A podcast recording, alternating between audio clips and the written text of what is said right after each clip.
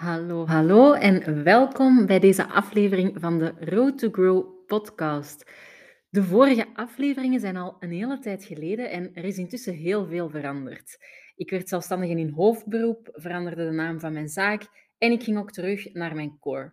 Jou helpen met het blootleggen van je talenten, zodat je je loopbaan richting kan geven en werkgeluk kan vinden. Ik neem deze podcast nu heel spontaan op. Uh, geen ellenlange bewerkingen. Dus als je af en toe een geluidje of een um hoort, dan, uh, ja, dan hoop ik dat je daardoor kan luisteren. Het gaat vooral om de boodschap die ik, uh, die ik jou wil meegeven vandaag. Want in deze aflevering deel ik met jou de inzichten en conclusies uit mijn onderzoek. Ik deed onlangs een werkgelukonderzoek. Als je me volgt op Instagram, dan zal je dat zeker en vast zien hebben passeren.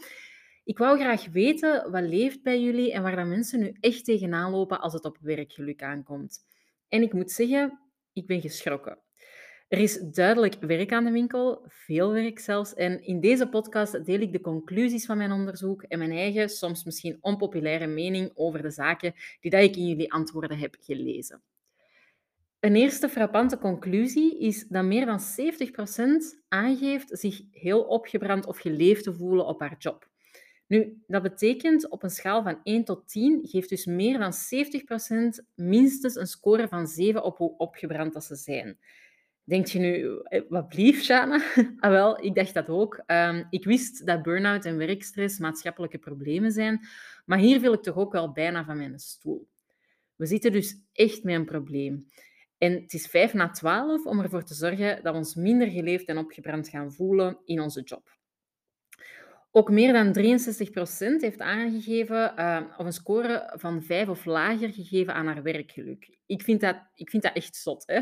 omdat ik uh, op dit moment in een totaal andere positie zit en mijn werk heel graag doe, vind ik dat heel maf om te beseffen dat mensen zo'n lage scores geven aan hun werkgeluk en toch in die positie blijven zitten of de stap niet durven zetten naar iets anders. Hoeveel tijd spenderen we op ons werk? En al die tijd blijkt je daar dus ongelukkig te zitten met zelfs meer dan een kwart van de mensen die een score van drie of lager geven. En dan denk ik, hoe komt dat? Hoe komt dat dat wij ons massaal zo laten doen? En hoe komt dat dat werkgeluk voor zoveel mensen nog een ver van hun bedshow is? En tegelijk vind ik het ook zo spijtig, want het kan echt hè, werkgeluk ervaren als je weet waar je blij van wordt, waar dat je goed in bent en waar dat je energie van krijgt, dan ben ik echt 200% zeker dat je een job kunt vinden waarin dat je geluk ervaart en waar je met plezier vooruit je bed komt. Nu, het is misschien een beetje overbodig om te zeggen na de cijfers die ik net heb, uh, heb verteld, maar die scores zorgen voor heel wat negatieve gevoelens. Jullie geven aan teleurgesteld te zijn, jullie zijn zoekend, zelfs radeloos. En dat zorgt natuurlijk voor veel stress in die mate dat uw werk ook uw geluk controleert buiten het werk. Nu, op zich is dat niet zo gek dat dat uit het onderzoek komt, want ook de wetenschap geeft aan dat er een heel groot spillover effect is van werkgeluk op uw algemene welzijn. Dat betekent dat de mate waarin dat je gelukkig bent op je werk dus ook in, voor een groot deel overloopt naar hoe gelukkig dat je algemeen bent met je leven. En dat is niet zo raar natuurlijk, want werk neemt een groot deel van je leven in beslag en je bent één persoon, hè, op of buiten het werk. Je bent één geheel en als je gelukkig bent, op, ongelukkig bent op je werk, ja, dan heeft dat natuurlijk ook invloed op je energiepeil, op je goesting dat je hebt om dingen te doen buiten het werk. Je neemt hoe dat je je voelt op je werk logischerwijs mee naar daarbuiten. Dus een duidelijke conclusie die dat ik kan trekken uit het onderzoek, en dat zijn letterlijke woorden van jullie die ik heb gelezen, je voelt je vaak onverschillig, energieloos, moe en zit aan de grens van crashen. Het is genoeg geweest en het is echt tijd voor verandering. Nu, wat zien jullie zelf als de oorzaken van jullie werkongeluk en waar leg je dan de schuld? Daar kwam heel veel reactie op en het is natuurlijk wat zot om hier in de podcast elk antwoord te gaan overlopen, maar het is wel duidelijk dat de antwoorden onder te verdelen zijn in twee grote categorieën. Oorzaken die dat je binnen jezelf legt en oorzaken die dat je buiten jezelf legt. Sommigen leggen alle oorzaken van hun werkstress en ongeluk buiten zichzelf. Het ligt aan de werkgever, aan de leidinggevende of aan collega's, het ligt aan de maatschappij, en andere mensen die gaan dan weer vooral binnen zichzelf kijken. Ze weten niet goed wat ze willen, ze doen te weinig aan reflectie, ze hebben angsten, waardoor ze niet ja, actie durven nemen tot verandering. Nu, als arbeidspsycholoog vind ik het prachtig om die tweedeling in antwoorden te zien en om de theorie die dat ik ken weerspiegeld te zien in die antwoorden. Want in de wetenschap bestaat er zoiets als locus of control. Een moeilijke term, maar eigenlijk is het heel simpel. De mate waarin dat je oorzaken van gebeurtenissen in je leven intern of extern legt. Je hebt mensen met een sterke interne locus of control, die zullen oorzaken van gebeurtenissen eerder bij zichzelf gaan zoeken. En mensen die neigen naar een externe locus of control, die gaan oorzaken veel meer buiten zichzelf leggen. Je weet wel, de mensen die er eigenlijk nooit zelf iets aan kunnen doen. Om een voorbeeldje te kaderen, buist voor een examen. Je hebt mensen die daarbij naar zichzelf kijken. Hè, misschien heb ik toch niet zo efficiënt gestudeerd. Of oei, misschien heb ik toch wat te veel genetflixt. Of misschien is mijn, mijn manier van studeren toch niet zo optimaal. En anderzijds heb je mensen die de oorzaak altijd buiten zichzelf gaan leggen. Het examen was slecht opgesteld, waren belachelijke vragen. Het was een slechte prof, het was te warm om te studeren. Kortom, van alles, maar vooral niks waar dat ze zelf iets aan kunnen doen. Nu, om daar een conclusie uit te trekken, heb ik nagedacht over hoe dat te verwoorden in deze podcastaflevering. En ik wou er eerst wat doekjes omwinden of het probleem wat gaan verbloemen. Maar toen dacht ik, potverdikke, nee, ik ga gewoon eerlijk met u zijn. Uh, dat is waarom dat je luistert en dat is uiteindelijk ook wat je nodig hebt. Nu, natuurlijk zijn er externe factoren die invloed kunnen hebben op uw werkgeluk. Hè, zoals uw werkgever, zoals collega's, zoals corona hè, de afgelopen jaren. Maar het is uw verantwoordelijkheid om voor meer werkgeluk te zorgen. Het is uw keuze om uw huidige situatie te aanvaarden en om daarin te blijven zitten. Het is uw keuze om niet te veranderen of actie te nemen.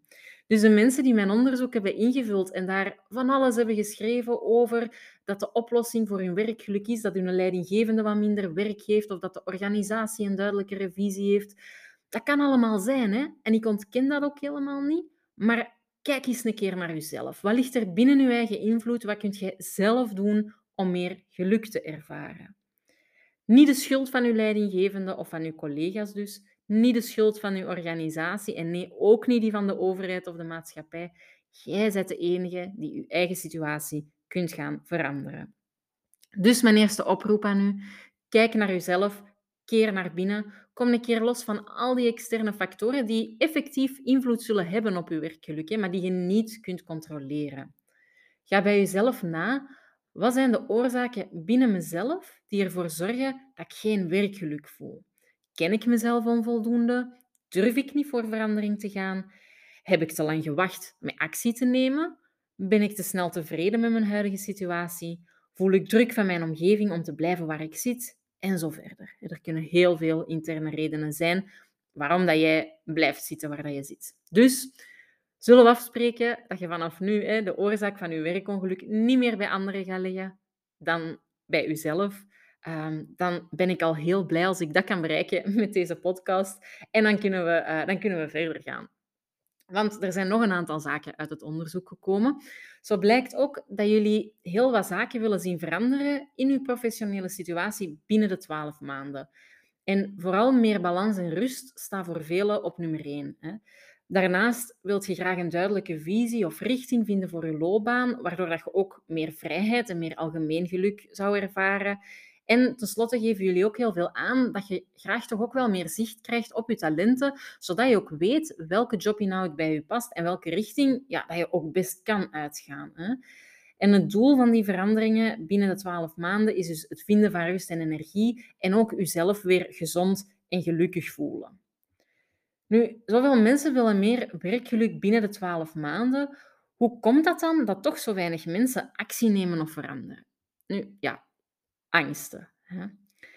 We laten ons tegenhouden door angsten en door belemmerende gedachten en door onze mindset. En wanneer ik dat bevraag, blijkt vooral de financiële angst de bovenhand te nemen. Wat als ik niet genoeg ga verdienen? Wat als ik niet rondkom? Wat als ik financieel gezien een stap terug moet zetten? Ook een veel, veel voorkomende beter reden voor inactie of het niet nemen van actie hè, is geen idee hebben wat je wilt niet weten wat de mogelijkheden zijn en wat je dan wel graag en goed zou doen, welke job wel bij je zou passen. En tenslotte geven een aantal mensen ook aan gewoon eigenlijk geen energie of geen fut te hebben om op dit moment actie te nemen Uh, en ook veel faalangst te voelen. Hè. Wat als het mij niet lukt om iets anders te doen? Wat als ik helemaal niks anders kan? Of als ik helemaal geen talenten heb? Hè? Wat als dat uit een coaching of zo zou komen? Ik ga er ook hier geen doekjes om winden. Hè. Actie is noodzakelijk om voor verandering te zorgen. Als je niks verandert, verandert er niks. En je denkt nu misschien van, ja, Shana, kei logisch, hè, uiteraard. Maar straks na het luisteren van de podcast duikt je weer in je gekende patronen en gaat je waarschijnlijk nog altijd geen actie nemen. Die actie, dat kan in een eerste stap ook zijn om rust in te lassen. Hè, om meer tijd voor jezelf te voorzien en om eerst tot rust te komen vooraleer dat je die verdere zoektocht aangaat. Hè. Als jij zegt van ik heb op dit moment geen energie om mijn loopbaanpad te gaan uittekenen, neem dan nu actie om meer rust te vinden, zodat je wel de energie hebt om daar binnenkort mee aan de slag te gaan. Niet weten wat je wilt, mag geen reden zijn om actie uit te stellen. Dus neem actie om dat uit te zoeken, ga daarmee aan de slag. En dan dacht ik, oké? Ik heb al die informatie, goed om te weten. Maar wat heb je nu eigenlijk echt nodig om die problemen op te lossen? Om toch echt voor verandering te zorgen? En ook, ja, hoe kan ik u daar dan bij helpen? Ook daar was jullie antwoord duidelijk: nood aan steun en begeleiding. Via een coach, via een traject dat de juiste tools biedt en ook wel door anderen te horen die dat inspirerende verhalen hebben. Dus dan neem ik zeker mee dat dat iets is waar jullie nood aan hebben of wat jullie kan helpen om toch te durven springen voor werkgeluk. Een aantal van jullie willen ook de persoonlijkheid van hun leidinggevende veranderen en een manager die minder werk geeft, leukere collega's of een toffer bedrijf. Maar hey, we gingen niet meer kijken naar factoren waar we weinig of e-, geen invloed op hebben. Voilà. Dat was eigenlijk vooral wat er uit het werkgelukonderzoek naar voren kwam. Ehm, of ja, moet ik het misschien het werkongelukonderzoek noemen? Want dat is denk ik wel uh, de grootste conclusie voor mij. Veel te veel mensen zijn niet gelukkig op hun job en dus ook niet gelukkig met het leven dat ze vandaag de dag ja, leven. De grootste zorg blijkt om nooit werkgeluk of professionele rust te vinden en daarnaast ja, ook dus om die financiële risico's te nemen. Toch geven jullie tegelijk bijna unaniem aan dat als er niks verandert, dat je weet dat je volledig gaat opbranden en sowieso in burn-out gaat gaan. Wat ga ik nu doen met al die inzichten? Ik ga dat gebruiken om mijn nieuwe traject helemaal de shit te maken voor u en ervoor te zorgen dat ik iets ontwikkel dat u ook eindelijk gewoon echt gaat helpen. Hè. Veel trajecten en coachings, en dat zijn jullie eigen woorden ook in het onderzoek, gaan niet diep genoeg en zorgen niet voor een duurzame oplossing. En daar ga ik met mijn traject verandering in brengen door deze inzichten echt mee te nemen en daar ook u mee te gaan helpen. Het traject gaat dus focussen op mindset en op zelfinzicht en zelfontwikkeling, zodat je een duidelijke professionele richting voor jezelf kunt gaan bepalen. Want ik beloof u echt, echt, echt waar dat ook jij werkgeluk kunt vinden als je durft werken aan je mindset en als je het aandurft om naar jezelf te kijken in de spiegel, figuurlijk dan. Meer informatie over mijn traject komt er binnenkort aan. Wilt je het niet missen en als eerste alle info krijgen? Ga dan naar www.roadtogrow.be links. Klik op de wacht Allee, klik op het knopje wachtlijst nieuwe traject en laat dan zonder enige verplichting hè, uw e-mailadres achter. Dus dat is absoluut nog geen inschrijving. Maar binnenkort ga ik de eerste details lossen. Uh, en dat ga ik eerst doen naar de mensen die op die maillijst staan. En ik kan u al vertellen, het gaat echt fantastisch worden. En ik ben zelf waanzinnig enthousiast om mijn kennis met u te delen. Zo, dat was het voor deze podcastaflevering. Niet zo heel lang, hè. we zitten aan een kwartiertje ongeveer, maar het was vooral mijn bedoeling om die inzichten op een behapbare manier met u te delen, zodat je daar al ja, wat conclusies uit kunt trekken en misschien ook voor jezelf kunt bepalen of het tijd is voor verandering en voor actie. Als je nog vragen hebt, je weet mij uiteraard te vinden op Instagram, roadtogrow.shana, of stuur mij een mailtje via de website en dan uh, komen we zeker met elkaar in contact. Heel veel succes!